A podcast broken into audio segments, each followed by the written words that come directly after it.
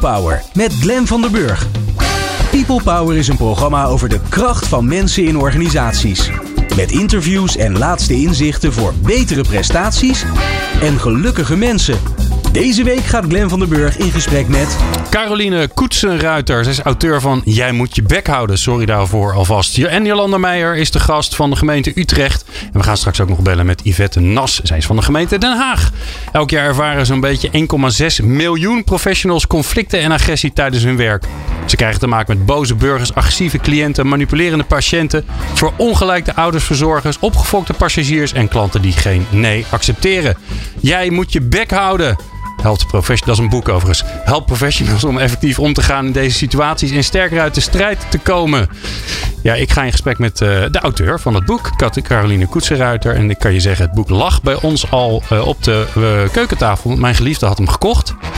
Dus dat is alvast fijn. Um, en we gaan natuurlijk uh, met uh, beide dames in gesprek over de vraag: ja, waar moet je dan over, uh, aan denken als het over agressie gaat? Bij welke beroepen komt het veel voor? En wat kun je eraan doen als werkgever of leidinggevende of HR-professional om, het, om ja, je collega's erbij te helpen om daarmee om te gaan?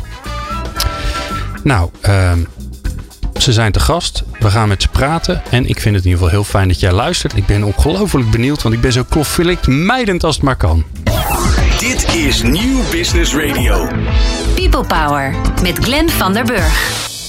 Dames, fijn dat jullie er zijn. Carolien, gefeliciteerd met je boek. Dankjewel. Hoe lang is het nu uit? Uh, twee weekjes. Oké, okay, dus ja. nog, nog best vers. Het is uh, super vers. Ja, ik kreeg het, uh, het boek lag bij ons op de, op de keukentafel en, en, en ik zag het en ik dacht, god, dat is een goede titel. Want die komt gelijk binnen ja, uit het leven gegrepen. En uh, ik kan je zeggen dat ik nog moest kiezen uit een. Uh, ja, ik kon uit een heel scala aan titels kiezen. Deze kon nog net door ik de wou net zeggen, ja, er ik zijn... kan nog een paar andere varianten opnoemen. Ja, maar uh, daar gaan we het vast zo wel over klinkt onaardig, maar er zit nog geen scheldwoord in. Nee, precies. Het is vooral heel eisend dwingend wat jij moet doen. En ja, ja dat kan ook al heel agressief overkomen, uiteraard. Ja. Laten we eerst even een beeld schetsen waar we het over hebben. Agressie op het werk. Er zijn ongetwijfeld ook heel veel mensen die er nooit mee te maken hebben. Maar heel veel die er ook wel mee te maken hebben. Laten we eens een paar voorbeelden nemen. Wat, wat kom je tegen? Uh, nou ja, wat ik tegenkom is dat het 1,6 miljoen keer per jaar in Nederland misgaat. Elk jaar opnieuw. En als je het wil hebben over ja, welke, wat zijn nou de topscorers? Welke professionals in Nederland hebben nou echt heel veel te maken met agressieve lui en geweldsincidenten? Dan staat echt op nummer 1 de zorg. En dat zijn verpleegkundigen oh ja. in ziekenhuizen, maar dat zijn ook huisartsen. Dat zijn ook zorgverleners die bij de mensen thuiskomen. Ik dacht gelijk de politie, maar dat is dus de zorg. Ja, de zorg heeft, is echt topscorer als het, uh, als het op uh, werkenden aankomt die te maken hebben met agressie en geweld. Nummer twee zijn de leerkrachten. Ik vond het uh, geen leuk feitje, maar ik deel het wel. Dat 80% van de burn-outs bij leerkrachten wordt niet veroorzaakt door werkdruk, maar door agressieve, veel eisende, drammerige ouders ja, die uh, niet, uh, zich niet kunnen vinden, bijvoorbeeld in het schooladvies of eventuele rapporten die uitgaan. En dan al heel snel daar de leerkracht verantwoordelijk voor maken. Ik heb nog een, een, een boekidee liggen, ergens stoffig op de kast. heb ik ooit tijdens een vakantie bedacht. En dat boek gaat heten, het komt daar nooit denk ik hoor, maar ik vond wel een leuke titel, Kutouders. Ja. En dan mensen interviewen over ouders en hun gedrag. Oh, dus nou. langs de voetbal, weet je, langs de lijn. Iedereen heeft wel voorbeelden dat je denkt, nou kom op hé. Yes. Nou, en dan kan je zeker bij de jeugdzorgprofessionals in Nederland uh, een, een, directe bestseller maken. Want wat zij over zich heen krijgen, dat is echt, uh, nou ja, van God los zou je bijna zeggen. Ja. En nummer drie zijn natuurlijk de ambtenaren. Uh, en daar vallen natuurlijk ook de politieambtenaren onder, maar toch ook uh, ja, ambtenaren, precies, van de gemeenten, uh, waterschappen, belastingdienst, UWV, ja. noem ze maar op. Ja, nou is dat natuurlijk allemaal shocking, maar het, het, wordt pas beeldend voor ons allemaal als we een voorbeeld hebben. Jolanda, doe eens een voorbeeld. Gewoon echt concreet, er komt iemand binnen. Ja, nou ja, het gaat, uh, als, het, als we het hebben over voorbeelden, gaat het heel vaak over mensen die niet voor de eerste keer binnenkomen. Hè? Het zijn mensen die heel drammig binnenkomen met de zoveelste keer dezelfde vraag. Er is een groot conflict, maar er is ook een vertrouwensbreuk. En dat wordt niet geaccepteerd. En het lastige is dat ze de gemeente verantwoordelijk houden voor het verschil, hè? het verschil van inzicht. Um, en ze blijven maar terugkomen, ze blijven maar terugkomen. Uh, maar het is niet zozeer. Nou, er is, ja, uh, het gaat om een verschil van inzicht omdat er geluidsoverlast wordt ervaren. Of omdat er um, iets in een park gebeurt waar ze niet achter staan. En ze houden dan de gemeente verantwoordelijk. De gemeente gaat ermee aan de slag. Uh, laat een meting verrichten. Er komt iets uit en er komt bijvoorbeeld uit. Het valt wel mee. Ja, Ja. Het is onder de norm. Ja, bijvoorbeeld. En dat wordt dan niet geaccepteerd. Nou, en dan begint het eigenlijk pas. Ja. En dan zie je dat eh, iemand blijft terugkomen. Hè? Was het maar dat even naar binnen lopen of naar binnen lopen en je grief uiten. Het gaat vaak veel verder en het is ook niet de eerste keer. Het is echt contactintensief, zoals we dat dan noemen. Ja, en er, er komt geen einde aan. En op een gegeven moment zie je ook dat eh, bij een gebeurtenis in de stad iemand dat weer aangrijpt om die oude discussie weer nieuw leven in te blazen. En wat is dan de, de, de, de basisgevoel waar, wat, wat het bij mensen opwekt, waardoor ze over die grens heen gaan? Eh, bij, bij anderen of bij de professionals? Nee, bij degene die, die, nou ja, die inderdaad zegt je moet je bek houden of veel ergere bewoordingen of misschien zelfs wel fysiek wordt. Ja, ik denk onmacht, onbegrip, eh, respectloosheid, dat, dat is wat in me opkomt. En uh, wat je ook ziet, uh, en dat zal bij heel veel professionals zo zijn, ze voelen, ze voelen dat, er, dat die dienstverlening uh, in een spagaat komt. Hè? Want, want mensen willen heel graag helpen, willen luisteren, willen begrip tonen, willen eigenlijk zoveel mogelijk oplossen. Het liefst samen, het liefst, het liefst constructief. Ja, en dat krijgt dan zo'n zo'n deuk, dat, dat, dat raakt mensen zo als dat dan heel anders blijkt te gaan lopen. Omdat iemand agressief wordt of iemand heel boos wordt, omdat iemand de hele gemeente uh, gaat mailen of de hele organisatie mailt, allerlei vervelende dingen daarin zet. Dat raakt mensen heel erg. Ja. En, en wat betekent dat dan voor jouw collega's? Wat, wat, wat is, zijn de effecten dan voor, voor jouw collega's bij de gemeente Utrecht? Ja, dat ze zich erg verdrietig voelen en onbegrepen en dat ze zich heel onmachtig voelen. En ik zag dat dat gebeurde een paar jaar terug. En toen dacht ik, hoe kan het nou gebeuren? En wat missen wij als organisatie dan? En um, er hebben zich toen een paar voorbeelden voorgedaan. En ik kwam erachter dat we een stappenplan misten. Dus daar zijn we aan gaan werken. Had ik nou niet verwacht dat je dat zou zeggen. ik denk, nou komt er, komt er een stappenplan. In plaats van een knuffel. Ja, ik, ik heb die verdrietige mensen in mijn hoofd. En jij ziet al die verdrietige ja. mensen. En dan, ja, wat er mist is een stappenplan. Ja, dat klinkt cliché hè? Nee, maar, helemaal niet. Nee, maar ik dacht, het was, het was gewoon, ja, het moet dan wel een helve stappenplan zijn. Nou, maar dat, als dat ontbreekt, ja. dan weet je niet wat je moet doen. En dat was aan de orde, want niemand Aha. wist wat hij moest doen. Een leidinggevende niet. Niemand. Dus onmacht all over the place. Zowel bij degene die, ja. die boos en agressief wordt, als bij Eigenlijk wel. De, wat moeten jouw collega's. Nou ja. ja. En um, als je dat in kaart gaat brengen, dan ga je dat afpellen. He, wat, wat is er aan de hand? Wat hebben we nodig? En wie gaat wat doen op welk moment? En zo maak je verschillende personen in de organisatie verantwoordelijk voor de stappen die zo belangrijk zijn om te zetten.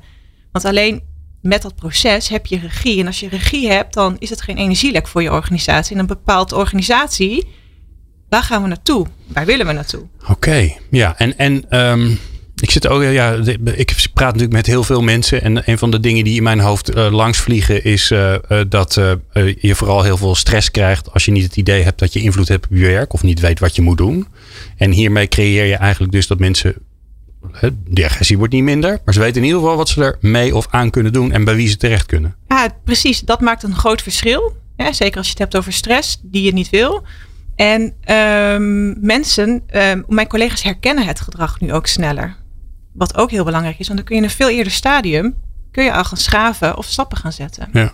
Caroline, je hebt er een boek over geschreven. Het is je werk ook nog eens een keer, ja. want je bent mediator en je, en je geeft ook uh, opleiding op dit gebied. Ja. Waarom dit onderwerp? Waarom word je daar zo ja, toch blij van? Kan bijna niet anders. Uh, nou, of ik er per se blij van word, het is iets waar ik zelf ook mee geworsteld heb. Ik ben, uh, jij zei net iets over, hè, ik ben de meest conflictmijdende persoon ever. Uh, ja. Ik hou ook van, ik ben een echte Brabantse. de goede vrede, het moet gezellig zijn. Gezellig, we moeten het leuk erbij. hebben, precies. Een lekker, lekker wijntje, lekker Bourgondisch.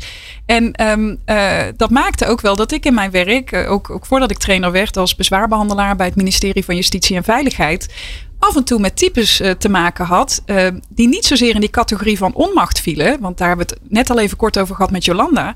Maar er is ook een groep uh, mensen met haar op de tanden. Die mij, ik noem dat witte boordenagressie. Die het leuk vonden om meteen mijn naam op te schrijven. En goh, maar heb je daar eigenlijk gestudeerd voor dit baantje? En is wel een beetje lullig hè, als ambtenaar bezwaren behandelen. En joh, kan ik jouw baas even spreken? Want jij bent zo'n troela waar je niks aan hebt. Hoe zie je er eigenlijk uit? Dat soort opmerkingen. Hé, pa? Ja, hebba. En, en dat is wel een aanleiding geweest. Want ik ben vast niet de enige die het niet altijd makkelijk vindt. Helemaal niet zelfs. Om daarop af te gaan.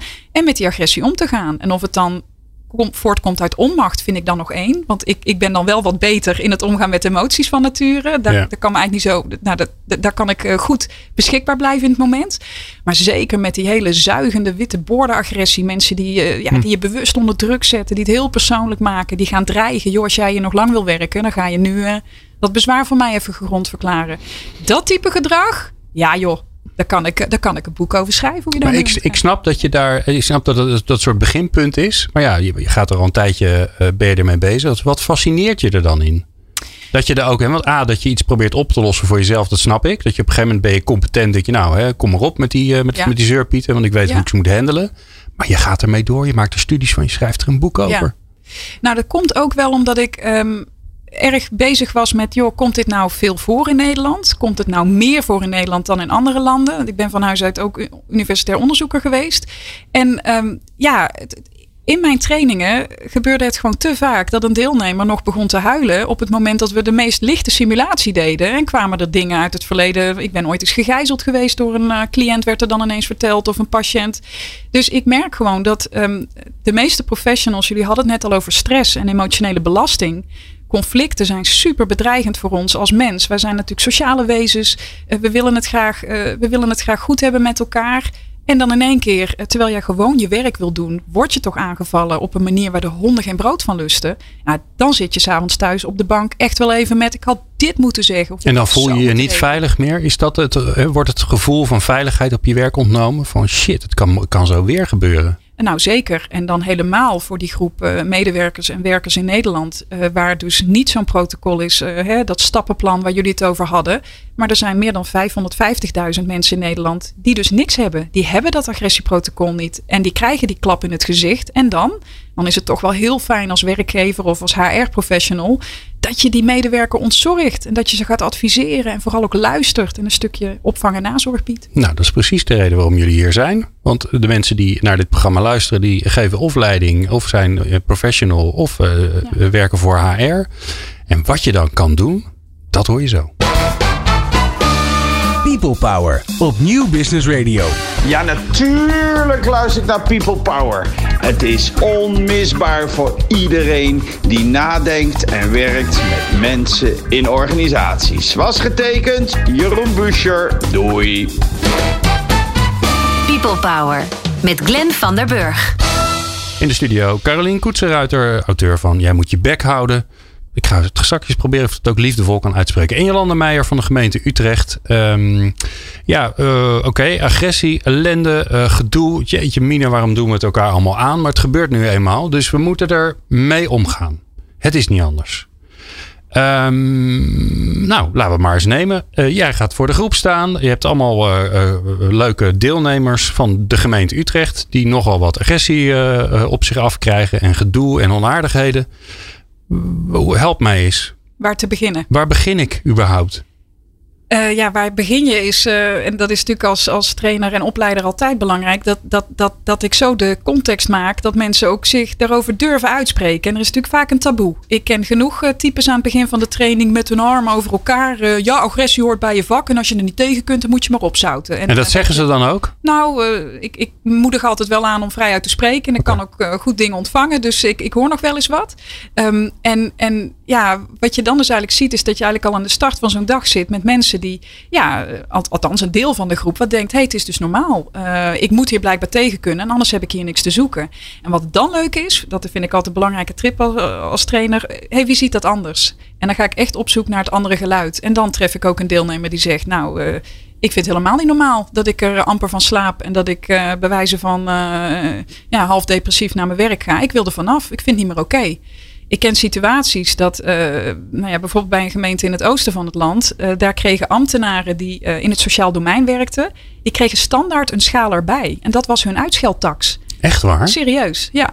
En dat vind ik eh, zorgwekkend. En die groep die train ik. En dan zie je mensen dat ze echt wel extra geld krijgen. Maar ondertussen die emotionele belasting en die onveiligheid. Dat je gewoon dagelijks uitgemaakt kan worden voor rotte vis. En je leidinggevende die zegt, ja, maar je krijgt wel extra betaald hè, ten opzichte En van ben jij daar dan dus ook geen voorstander voor? Want Nee. daarmee accepteer je eigenlijk als organisatie. Oh, nee. Dit hoort erbij. Nee, ik vind het heel verkeerd. Ik Ja. vind dat echt een heel verkeerd signaal. Het is ook inmiddels teruggedraaid. Eh, dus, eh, Uitscheldtaxi. ja, de uitscheldtax. Ja. Ja. Oké, nou, de stap 1. Oké, dus we hebben het gesprek gehad. Uh, de conclusie is, uh, nou, misschien toch niet heel normaal. Uh, dat zou mooi zijn. En de helft die vindt dat. En ja. een paar die, die twijfelen nog even. Maar ja, dan, dan gaat, loopt het uiteen van uh, onaardige mailtjes tot uh, in elkaar geslagen worden. Ja, absoluut. Dus ja. waar hebben we het eigenlijk over? Uh, ik, ik noem voor het gemak even drie soorten agressie. Natuurlijk verbale agressie, hè, schelden. dat is vaak op de persoon. Dat kan ook in het algemeen zijn met ziektes ik weet niet of uh, voorbeelden op prijs gesteld worden, maar ik Altijd. denk dat, uh, nou ja, van uh, kanker, kuthoeren, je blijft met je poten van mijn kind af, tot een stelletje ambtenaren, jullie allemaal de brandstapel op. Ik noem even Oh. twee vormen van verbale agressie. De ene is ronduit op de persoon, hè. kanker, kuthoer, blijf van mijn kinderen af. En het andere, het laatste voorbeeld, noem ik veel meer ingegeven vanuit onmacht. He, alle ambtenaren de brandstapel op is in het algemeen vaak vanuit een opstapeling van eerdere teleurstellingen of rotervaringen vanuit die burger wellicht richting overheid. Um, dus verbale agressie is één. We hebben het natuurlijk over fysieke agressie. Dan hebben we Ja. het over nu zeker coronaspugen. Ik uh, ben ook, uh, ja, de, de, voorbeelden zijn natuurlijk te over ook wat er nu gebeurt in de ziekenhuizen. Uh, mensen die mee willen gaan met hun familielid, maar bij veel ziekenhuizen is nu het beleid alleen de patiënt zelf. Nou ja, en op zo'n moment krijg je in één keer een klodder spuug in je gezicht. Als je dat als coronacoach beneden bij de balie uh, lief en duidelijk probeert over te brengen. Um, ook absolute vorm dus van fysieke agressie, maar natuurlijk ook schoppen, haren trekken, slaan, bijten. Uh, Dat is het ergste. Ja, ik ben, ja. Ja. Ik wil geen veelstieker zijn, maar even het, het, gevoel hebben van waar we het hier over hebben. Wat is het echt het er, ernstigste wat je tegen bent gekomen? Nou, ik moet nog even dat, hè, van waarom ik dit boek geschreven heb. Um, ik heb in de training te maken gehad met een mevrouw, een jonge vrouw. Die was op dat moment twee maanden zwanger en die werkte op een hartbewaking in een bepaald ziekenhuis. Dus was overigens dus nog niet zichtbaar zwanger, maar was het al wel en wist dat ook. En die heeft van een uh, boos familielid. Uh, omdat uh, op dat moment ook niet mee mocht op de hartbewaking, is die in de buik geschopt met een kickbokstrap. En um, dat is op meerdere niveaus vond ik een heel heftig voorbeeld. Uh, A, van mens tot mens. Uh, ook ik ben moeder, maar ook los daarvan. Ik zie jou ook. Uh, ja, dit is Nou. voor ons allemaal. Gaat dat over zoveel grenzen heen. Maar ik echt helemaal koud van, weet je dat? Het is bloedheet in de studio. Echt, oh, de rillingen lopen over mijn rug. Poeh. Ja, en, en wat ik dan in, die, in, dit, in dat geval dus eigenlijk zo erg vond, was die mevrouw werd bij mij op training gestuurd. In plaats van dat de werkgever aangifte deed. Want daar zou gedoe van komen, was de uitspraak van haar baas. En dan zeg ik, dan zijn we dubbel aan het victimiseren. Dus twee keer slachtoffer maken. Natuurlijk is die kickbokstrap, dat is heel helder, zeer strafbaar, grensoverschrijdend. Maar als je dus als, als rem als werkgever vervolgens niet zo'n protocol hebt, of het nou veelvragende burgers is of agressieprotocol, en dan zo'n uh, arme verpleegkundige dan eigenlijk als opdracht meegeeft, jij moet op training, jij moet leren deescaleren bij die, uh, bij die Carolien. Ah, dat vind ik zo triest. Ja. Ja, dat, dan ben ik dus de eerste die opvang en nazorg verleent. En dat vind ik heel kwalijk. Ja. Ja. Maar het is ook, ik bedoel, het is vreselijk, maar het is ook te zien waar je energie vandaan komt. Want uh, de vlammen die schieten eruit. Ja, dat, uh, dat helpt weer met de koude rillingen over mijn rug, die nog steeds niet weg zijn overigens. Um, uh, Oké, okay, dus je hebt de vormen van agressie, maar waar komt het dan vandaan? Ja, en toch nog ook psychische agressie. Oh ja, uh, nummer drie. er nog niet ja. helemaal. Ja. Uh, psychische agressie is dus dat ronduit dreigen. Hè? Dat is dus inderdaad uh, psychische terreur. In één keer krijg je hele akelige e-mails met hele rare afbeeldingen. Bijvoorbeeld van een wapen doorgeladen of een filmpje waarin iemand anoniem met vervormde stem zegt: Ik knal al je kinderen omver. Als jij denkt mijn kindjes uit huis te kunnen plaatsen. Of als jij denkt mij geen uitkering te kunnen verstrekken. Of noem de voorbeelden maar op. Dus dat zijn de drie vormen van agressie die, ja, die bekend zijn. Goed. Waar komt dat vandaan? Ja, waar komt het vandaan zeg? Mijn god.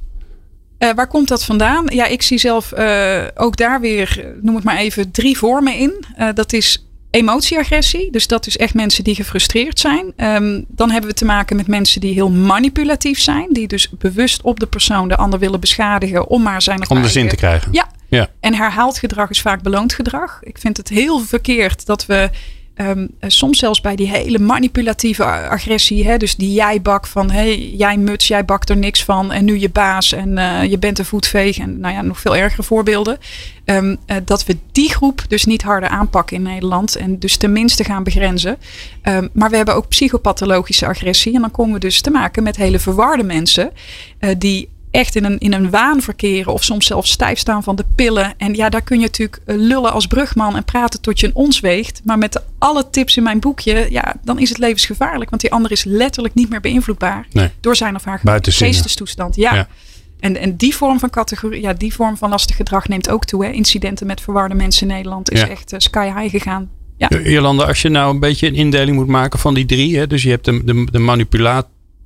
Je hebt de, eh, de, de door emotie overmande. Hè, dat klinkt alsof we het goed praten. Maar dat doen we natuurlijk helemaal niet. En je hebt uh, nou ja, de, de psychopaten. Maar om even simpel te zeggen. Welke, welke kom je het meest tegen? Ja, de eerste en de tweede categorie vooral. Ja. ik, ik herkende heel erg als Caroline vertelt over agressie in mail, in taalgebruik. Aan de telefoon ook heel erg. Um, of, of als wordt gevraagd, nog één keer dat goede gesprek. Nog één keer kijken of we alle vragen hebben beantwoord. Nog één keer kijken of er echt niets open staat. He, die controle, check. Um, en dan onderuit de zak krijgen. Alles over je heen krijgen. Dat is zo vervelend en dat gebeurt het vaakst. Uh, maar we hebben ook wel, uh, ja, ik heb ook wel voorbeelden van verwarde, verwarde mensen. En inderdaad de mailtjes met de nou ja, vreselijkste foto's en de teksten. Ja, ja. Dat, is heel, dat is heel pittig om te ontvangen. Ja. Ook al weet je, hoe serieus is dit? Hè? Dat is een vraag die dan bij je opkomt. Het raakt je, het raakt je echt. Het doet wat met je. Hoe ga je ermee om? Laten we er één van de drie even nemen. Want alle drie, dan moet je gewoon een boek kopen. of de training doen. Sowieso het advies. Um, welke, welke doen we? Doen we niet die psychopaten? Nee. Want uh, daar kan je toch niet zoveel Nee, aan doen. ik- ja, ik- onder, de, ik- onder je bureau gaan zitten. ik zeg toch die, die manipulatieve, eh die Ja, die pakken we. instrumentele. Ja, ik, ik, Ja. Ja, eens? Ja, Jolanda? ja, Ja, ik, ben, ik ben conflictmijdend, dus ik vind dat goed.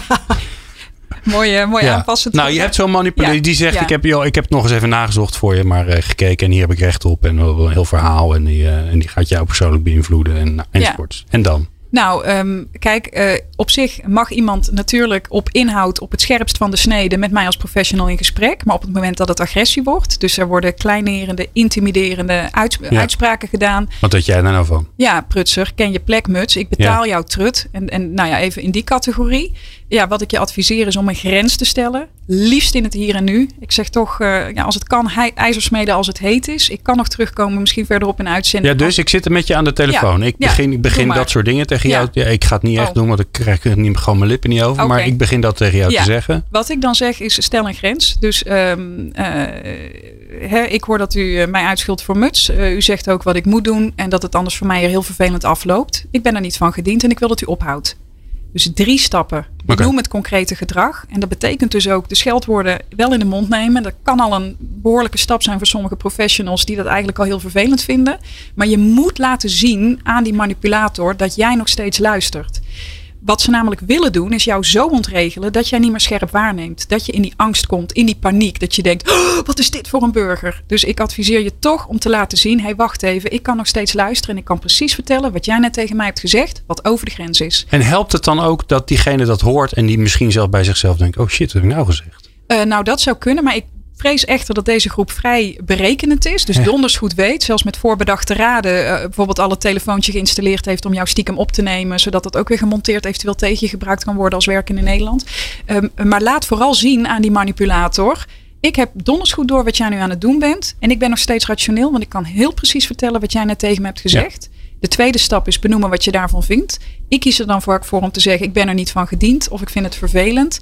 En vooral die derde stap, wees duidelijk in wat je wil. Geef die gedragsinstructie. Dus ik wil dat je stopt of ik Ja. wil dat je ophoudt. Oké, ik stop niet. Nee, dan kom ik bij de vierde stap, want die mensen zijn er. We weten ook dat zo'n 80% van instrumentele manipulatoren, zoals jij ze noemt, echt wel stoppen. Want ze Oh, zien ja? dat het geen effect heeft. Oh, als je dit dus doet, deze interventie, dus je zegt die, die drie Ja. stap, Ja, 80% stopt. omdat die zelden worden aangesproken. En wat ik dan adviseer bij die hardnekkige groep, hè, die groep die toch doorgaat, dan gaan we naar de consequentie. Ik hoor dat u mij blijft uitschelden voor domme nitwit, troela, bimbo. Ik weet niet wat er allemaal eh, gezegd kan worden. eh, Een veelheid van, eh, van opmerkingen. Ik merk dat u doorgaat. Als dat zo is, stop dit gesprek. En als u mij ophoudt, kan ik spreken over uw klacht. Aan u de keuze. Gaat, gaat die agressor nog een keer door, dan zeg ik u heeft uw keuze gemaakt. En ik kan uw klacht vandaag niet behandelen. En dan hang je ik op. op of ik loop weg bij de balie. En dat is niet wegrennen, dat is leidend gedrag. Ja, oké, maar dat is belangrijk om te weten. Dus, dus niet uit angst zeggen, oh, ik ga aan het bureau zitten en ik, ik ren weg. Nee. Maar jij zegt, je neemt daarmee de leiding. Ik geef een consequentie van zijn of haar gedrag. En mijn dienstverlening, ik heb dus nogmaals geen uitscheldtax. Mijn dienstverlening stopt als ik dan inmiddels dus voor drie keer ben uitgescholden. Want in stap 1 tot en met 3 geef je natuurlijk al aan waar de ander over de grens is. Bij het noemen van die vierde stap geef ik opnieuw aan, want de ander bleef doorgaan. En als ze dan voor de derde keer uitschelden, ja, wees alsjeblieft congruent, consistent. En klaar. geef opvolging aan wat je hebt aangekondigd, namelijk dan stopt het ook. Ik zit gelijk te denken dat een goede tip zou zijn voor alle voetballers die eh, te, te, te, maken hebben met racistische uh, dingen op het veld. Hè. Die moeten dat eigenlijk ook goed doen. En dan is inderdaad uh, na de, bij de derde keer ga je van het veld af. Ja.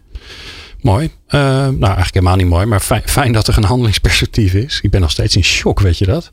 Ja, ja. sorry ik daarvoor. Ben, nee, ja. ja. nee, maar ik ben zo blij dat, dat ik daar helemaal geen last nee. van heb in mijn werk. Tenminste, tot nu toe nog niet. En als, als je nou denkt, nou, ik ga Glennis dwars, dwars zitten. Dat hoeft echt niet. Um, ik wil zo heel graag met jullie verder praten wat je dan um, voor je mensen kan doen. Dus als werkgever, HR-professional, uh, leidinggevende. Uh, dat hoor je zo. En dan bellen we ook gelijk met uh, Yvette Nas. Zij is uh, jeugd, jeugdombudsmens. Het staat man, maar ik vind dat heel raar voor een vrouw bij de gemeente Den Haag. People Power. Inspirerende gesprekken over de kracht van mensen in organisaties. Met Glen van der Burg. In de studio Carolien Koetsenruiter, Jolanda Meijer en uh, ondertussen via de telefoon ook uh, Yvette Nas. Zij is jeugdombudsmens bij de gemeente Den Haag. Um, Yvette, we hebben het over uh, agressie op het werk en wat je kunt doen als, uh, ja, als, als werkgever of als leidinggevende om, om je collega's daarvoor nou, te beschermen, wilde ik eigenlijk als eerste zetten. Maar dat moet je dus niet doen. Je moet ze eigenlijk helpen om ermee om te gaan, want dat gaat toch wel gebeuren. Ja, als ik, uh, misschien is het goed. Uh, ik ben inderdaad uh, ombudsman, jeugdombudsman van de gemeente Den Haag. En in die zin uh, ook werkgever voor mijn eigen mensen.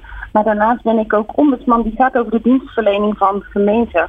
En, um, en ook over de jeugdzorgmedewerkers. En wat ik zie en wat ik hoor van jeugdzorgmedewerkers en ook van gemeenteambtenaren, dat zij heel erg worstelen met complex klaargedrag, zo noemen wij dat.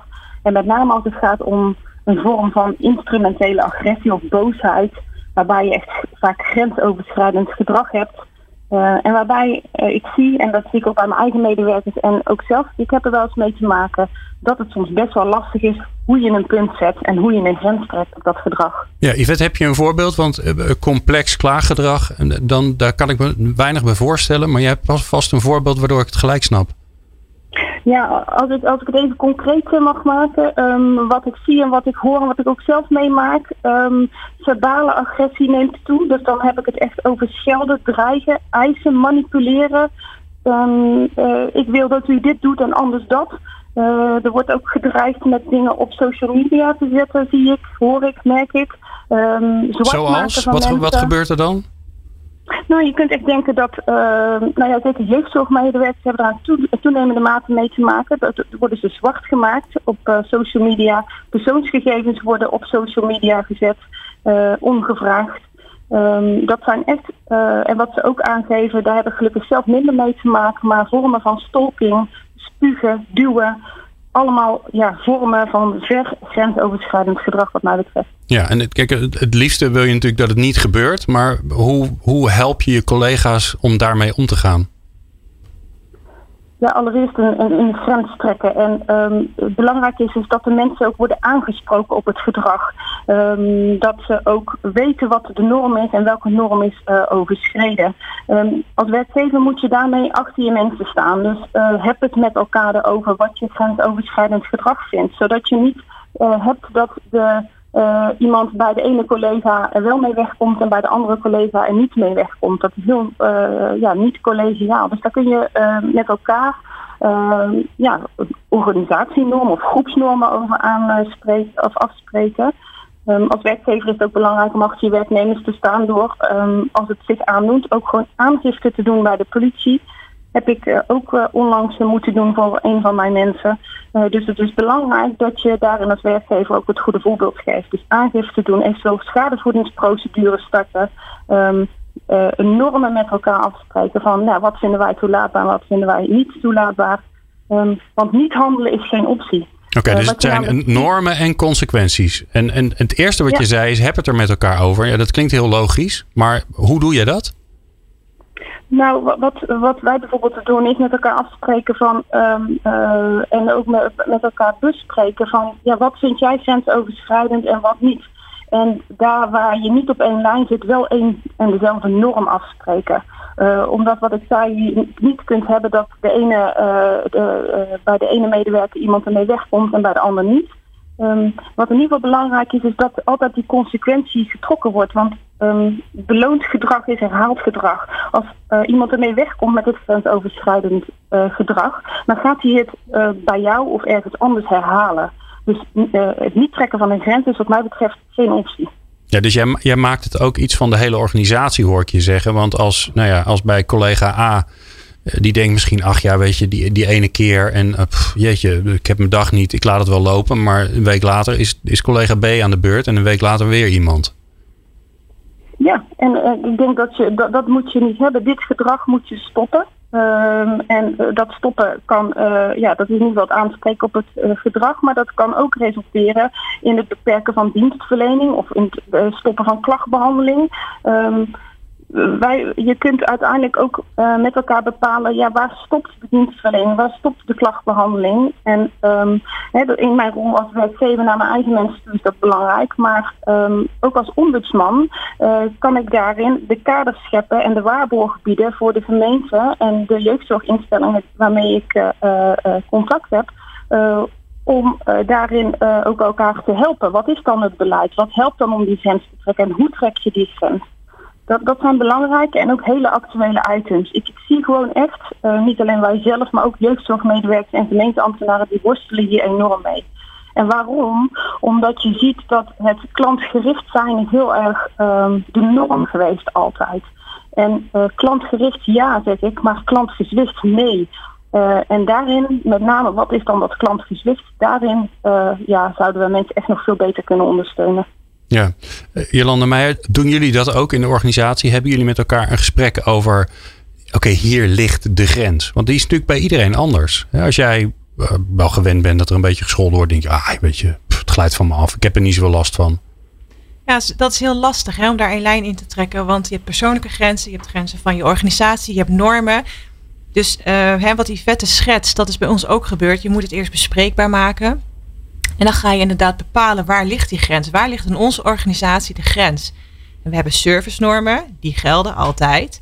Um, en in, in zijn algemeen hebben wij afgesproken, kijk of alle vragen, verzoeken, klachten, uh, juridische procedures, of dat is afgehandeld, of dat klaar is. Want iemand komt er maar steeds op terug.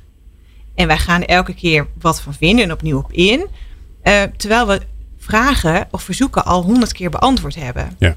En op een gegeven moment is dat dus klaar. Hè? En dat is het begin. En, en, en dat heeft heel lang geduurd voordat we dat stapje, wat een hele belangrijke stap vo volgt, uh, vormt voor het vervolgtraject, voordat we dat in kaart hadden gebracht. Ja, dat je maar niet kan blijven klagen. Nou, bijvoorbeeld, of dat je maar niet kan blijven vragen om, om nog een antwoord op vraag X, want die is al lang gegeven. Ja. Ja, en dat is belangrijk. En dat is ook heel goed. Nou ja, dat, dat handhaven, iemand aanspreken op gedrag en daar vervolgens consequenties aan verbinden, is heel moeilijk. is gewoon lastig. is gewoon, gewoon een, zware stap om te doen, om te zetten. Om dat op papier te zetten, te laten ondertekenen, te versturen. Maar daar moeten we echt aan gaan geloven met elkaar. Um, en nou ja, die, die klantgerichtheid waar Yvette het net over, gehad, net over had, daar past dat veel minder in. We, we moeten echt, nou, misschien naar een andere cultuur toe, in ieder geval naar een andere gedachtegang.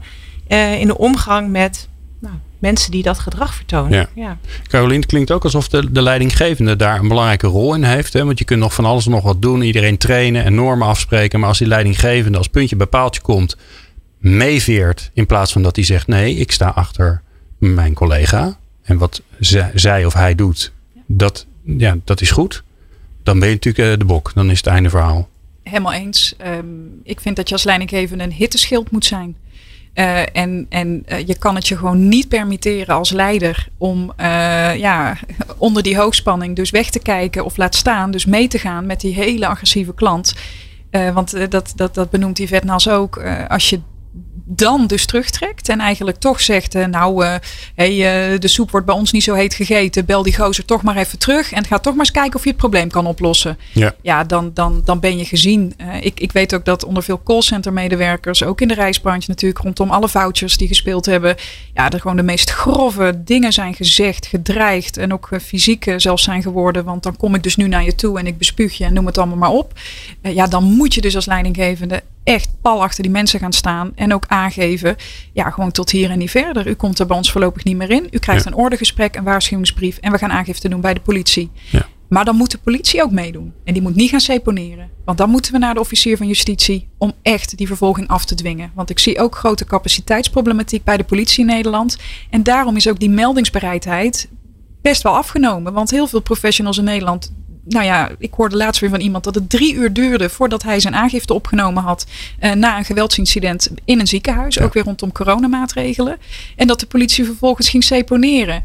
Dus ik doe ook een maar Is daar een alternatief voor? Want kijk, bij het, mhm. het, eerste waar ik aan denk is winkeldiefstal. Hè? Daar kwam de politie ook niet meer voor. Want die had het veel te druk met andere dingen. Of, nou, en dat, dat is ook ongetwijfeld zo. Maar nu hebben ze dat um, uh, burgerlijk wettelijk gedaan. Door gewoon te zeggen, ja, ik krijg gewoon een, ik krijg gewoon een schadeclaim. Ja. ja. dus het kost je gewoon, weet ik veel, 75 euro als je hier, of meer volgens mij nog. Als je, als je hier betrapt wordt. Ja. Dat helpt toch? Ik vind dat een interessante gedachte. Ik hoorde Yvette Nas ook net al iets zeggen over hè, um, schadevergoeding. Ja. Uh, kijk, op het moment, ik heb te maken gehad met uh, ook ambtenaren bij een hoogheemraadschap die besmeurd waren met varkensmes door een boer die boos was op een bepaald waterschap. Nou, wat denk je van die kleding? Die kan natuurlijk, uh, ja, die moest ook terug in zijn auto. Nou, de hele auto kon gereinigd worden tot en met die geur ging er nooit meer uit, inclusief de kleding. Uh, wat ik dan echt aanraad is als leider van zo'n hoogheemraadschap om echt alles te gaan verhalen op die agressor, op die betreffende boze boer. Of ja. manipulatieve boer zou ik eigenlijk liever over willen spreken. En ontzorg dan die medewerker. Zorg dat die niet ook nog eens moet smeken en bedelen bij diverse verzekeringetjes om maar iets terug te kijken. En ja, zorg voor die afschrikkende werking. En of dat dan is in de pecunia, dus in de centen met een schadevergoeding, dan wel via de politie richting een strafblad. Uh, want dat is natuurlijk wel zo. De straffen worden steeds zwaarder. Als jij een hulpverlener uh, agressief bejegent, uh, dan is een strafverzwarende omstandigheid. Dus als medewerker en je doet aangifte, vertel dit er altijd bij dat je hulpverlener bent. Dat maakt dat we naar een andere strafcategorie kijken. En er is nu zelfs een wetsvoorstel in de maak en die gaat er mogelijk voor zorgen dat rechters automatisch gevangenisstraf moeten gaan opleggen. Dus taakstraffen zijn dan uit de boze als je agressief richting een hulpverlener gaat. Ja, gedaan. maar ja, daar moet er natuurlijk wel iets mee gebeuren. Dat is dan wel voorwaarde. Uh, ik praat zo heel graag met jullie verder. Um, dan gaan we naar het laatste blokje van het uur. En dan wil ik heel graag naar de handelings. Ik wil het eerst over de toekomst hebben, maar dat gaan we helemaal niet doen. Want er moet in actie komen. Want al deze uh, 1,6 miljoen uh, mensen moeten geholpen worden. En uh, dus er moet, er, moet, ja, er moet wat gebeuren. Punt. Dat hoor je zo. Elke maandag People Power op Nieuw Business Radio. Goh, wat een onderwerp is dit zeg. Je hebt wel vaker dat je denkt, hier heb ik wel eens mee. Maar hier heb ik eigenlijk helemaal niks mee. Ik wil eigenlijk alleen maar dat het weggaat. Mm -hmm. Dat is mijn gevoel. Ja, Wat doen we elkaar aan, jongens? Yes. Wees een beetje lief voor elkaar. Maar ja, dan kun je allemaal duizend keer zeggen, dat heeft totaal geen zin. Dit hoort ook bij de maatschappij, helaas. Um, uh, even kort over de toekomst, om een beetje gevoel te krijgen. Meer of minder? Uh, meer, zeker nu. En we zien natuurlijk agressie op dit moment heel erg toenemen richting zorgprofessionals. Maar de financiële crisis die hier keihard achteraan dendert, gaat heel veel impact hebben voor sociale diensten, ambtenaren, deurwaarders, UWV, noem maar op. Ja. En als je een goed werkgever bent of een goede AR-professional, ga je dus nu dat plan maken. Want jouw mensen gaan die emotionele ja. belasting voelen. Anders ben je te laat. Ja. Want dan krijg je heel veel uitval, verdrietige mensen, burn-out, ja. noem maar op. Ja, dat en dat willen we allemaal niet. Absoluut. Je kunt uh, zowel geestelijk als lichamelijk doodziek worden van dit soort agressie. Dat zijn killers. Ja. Mooi. Of mooi, eigenlijk helemaal niet mooi. Um, we hebben nog heel weinig tijd, maar uh, dat uh, dwingt ons om heel concreet te worden. Dus, Yvette, ik begin bij jou. Wat ja. moet, er moeten collega's van jou uh, die nu denken: oh ja, dit gaat ook over mijn mensen, wat moeten die morgen gaan doen? Uh, nou ja, wat ik al zei, grenzen trekken en ook consequent zijn. Ik hoorde jullie net ook al benoemen. Als je de grens trekt, ben consequent. is net als bij kinderen. Maar op het moment dat je er niet consequent in blijft, uh, dan ben je gezien. Um, wat heel erg belangrijk is, is dat iedereen zijn werk gewoon veilig kan doen. Dus dan gaat het over de zorgmedewerkers, maar ook die gemeenteambtenaren en ook uh, de mensen bij ombudsmannen en overal in Nederland. Hè. Politie heeft er ook mee te maken. Die, um, en ik denk als, als je, ik heb wel zitten uh, uh, uh, denken over agressieprotocollen. Veel gemeenten hebben agressieprotocollen en die verbinden nu vaak aan het weer voortzetten van de dienstverlening dat er eerst een ordegesprek moet plaatsvinden. Um, als je dat een, or, een ordegesprek, wat is dat? Een ordegesprek dat houdt in dat uh, degene die het grensoverschrijdend gedrag heeft laten zien, um, dat, dat die eerst op gesprek komt uh, om het erover te hebben of het inderdaad zo is gedaan, maar vooral ook om de impact te bespreken die het op bepaalde medewerkers heeft gehad. Ik ben er namelijk van overtuigd dat veel van degenen die dat instrumentele gedrag laten zien, niet altijd vooraf de impact uh, overzien. Sommigen ook wel, maar daar volgt al sneller een, een wat directere en hardere aanpak. Maar er is ook een groep die de impact bijvoorbeeld de dreiging op Twitter, het schelden, het planeren aan de telefoon. Ehm, die groep, die is, eh, daar zou je dat ordegesprek mee kunnen voeren. Hm. Of moet je dat gesprek ook mee voeren. Maar, maar ik zie nog wel een andere mogelijkheid. Ehm, en dat is ja, een verplichte agressiemaatregel. Dus dat ze bijvoorbeeld eerst een cursus, cursus eh, zoals je bij het TBR hebt, een educatieve maatregel alcohol. eh, zou je hier kunnen denken aan een educatieve maatregel agressie. Anger management. Nou, Ja, verplicht. ja, anger management. En dan Dat- praten we verder. zie ik nog wel kansen. Oké, mooi. Dankjewel. Ehm Carolien, Ehm, boek kopen. Met zo, die geef ik alvast voor je.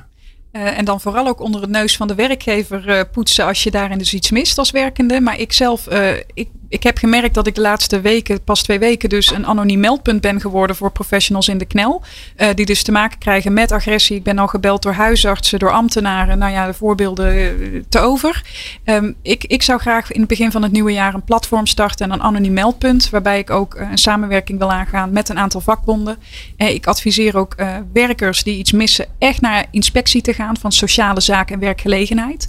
Want als jouw werkgever dus niks voor je doet in dit soort alarmerende en Ja. agressieve omstandigheden, alarmeer de inspectie en Ja. organiseer eh, een interventie. Want dat hoort. Hè? De werkgever hoort voor veilig werk te kunnen zorgen. Arbo-wetgeving in Nederland geldt voor alle werken in Nederland. Elke werkgever moet, moet zorgen voor die veilige werkplek waar agressie en geweld zoveel mogelijk voorkomen wordt. Dus ook preventie, maar zeker ook als het ge- zich voordoet, eh, ja, passende maatregelen, protocollen, opvang en nazorg, aangifte, noem het maar op. Mooi. Laatste woord voor Jolanda. Ja, ik zou het zo graag uit de taboe-sfeer willen halen. Ik merk bij mij in de organisatie, ik werk als concern klachtcoördinator eh, voor de gemeente Utrecht. Ik zie echt heel veel. Eh, mensen vertrouwen mij, vertellen mij veel dingen, maar eh, vinden het lastig om dat met leidinggevenden te bespreken. Dus ik zou dat heel graag uit de taboe-sfeer willen halen. En ook de betrokkenheid van de leidinggevende daarbij willen zien. Ehm, En dus moet de leidinggevende, Ja. als hij werkoverleg Ja. heeft, zeggen: jongens, Ja. we gaan het vandaag over Ja, er agressie moet hebben. veel meer betrokkenheid komen op dat niveau bij het werk eh, als, al- van bijvoorbeeld de klachtbehandelaren. Die hebben het echt soms heel zwaar. Het wordt gewoon niet gezien. Dat is zo zonde. Dat is zo'n gemiste kans. Dus voor mijzelf denk ik, ja, ik moet aan branding gaan doen. Hè. Ik moet zorgen dat dat, dat, dat zichtbaar wordt. Dat, dat gevolgen eh, zichtbaar worden. Dat de betrokkenheid groter wordt. Ehm, ja, dus dat vooral. Mooi. Mag ik nog één concrete aanvulling? Oh ja, ik, ja, ik moest nog even je Ja. schuif openzetten. Pardon. Je hebt het laatste woord. En anders weet je wat je tegen mij moet zeggen. nee, je bek houden. Ja, Ehm, nee. eh, Ga je gang. Een concrete tip. Vraag eens als werkgever of als teamleider in dat werkoverleg. Wanneer heb jij voor het laatst een grens gesteld? Punt. Ga er eens naar op zoek. En als je dan hoort nooit. Oeh, dan weet ik eh, gezien die 1,6 miljoen incidenten in Nederland. Nee. Dat er nog wat werk te doen is. Ja. Ja. Dank jullie wel. Eh, veel succes met jullie goede werk. Ik ben blij dat jullie het doen. Ik zou het echt niet kunnen, want ik zou er heel verdrietig van worden. Maar jullie hebben er hartstikke veel energie op. Dus eh, eh, ja, veel succes daarmee en hulde. Ehm dankjewel, Carolien Koetsenruiter. Natuurlijk van het boek Jij moet je bek houden. Verkrijgbaar in de betere online boekwinkels. Maar het liefst bij Ubidoo, want daar krijgt een deel van de opbrengst gaat dan naar een goed doel. Hartstikke leuk. Ja, ben ik fan van. En natuurlijk Jolanda Meijer van de gemeente Utrecht. En je hoorde nog via de telefoon Yvette Nas, de jeugd, jeugdombudsmens. Ik kan het toch niet vaak genoeg zeggen van de gemeente Den Haag. Wil je meer luisteren van People Power? Dan kan dat dan moet je dat vooral doen eh, online eh, op onze website. Eh, dan ga je naar peoplepower.radio en dan vind je nog eh, 350 plus afleveringen die je kunt luisteren. En daar staat ook hoe je kunt abonneren. Dan kun je altijd in de auto heel makkelijk snel even de volgende aflevering luisteren. Dankjewel. Meepraten of meer programma's? people-power.nl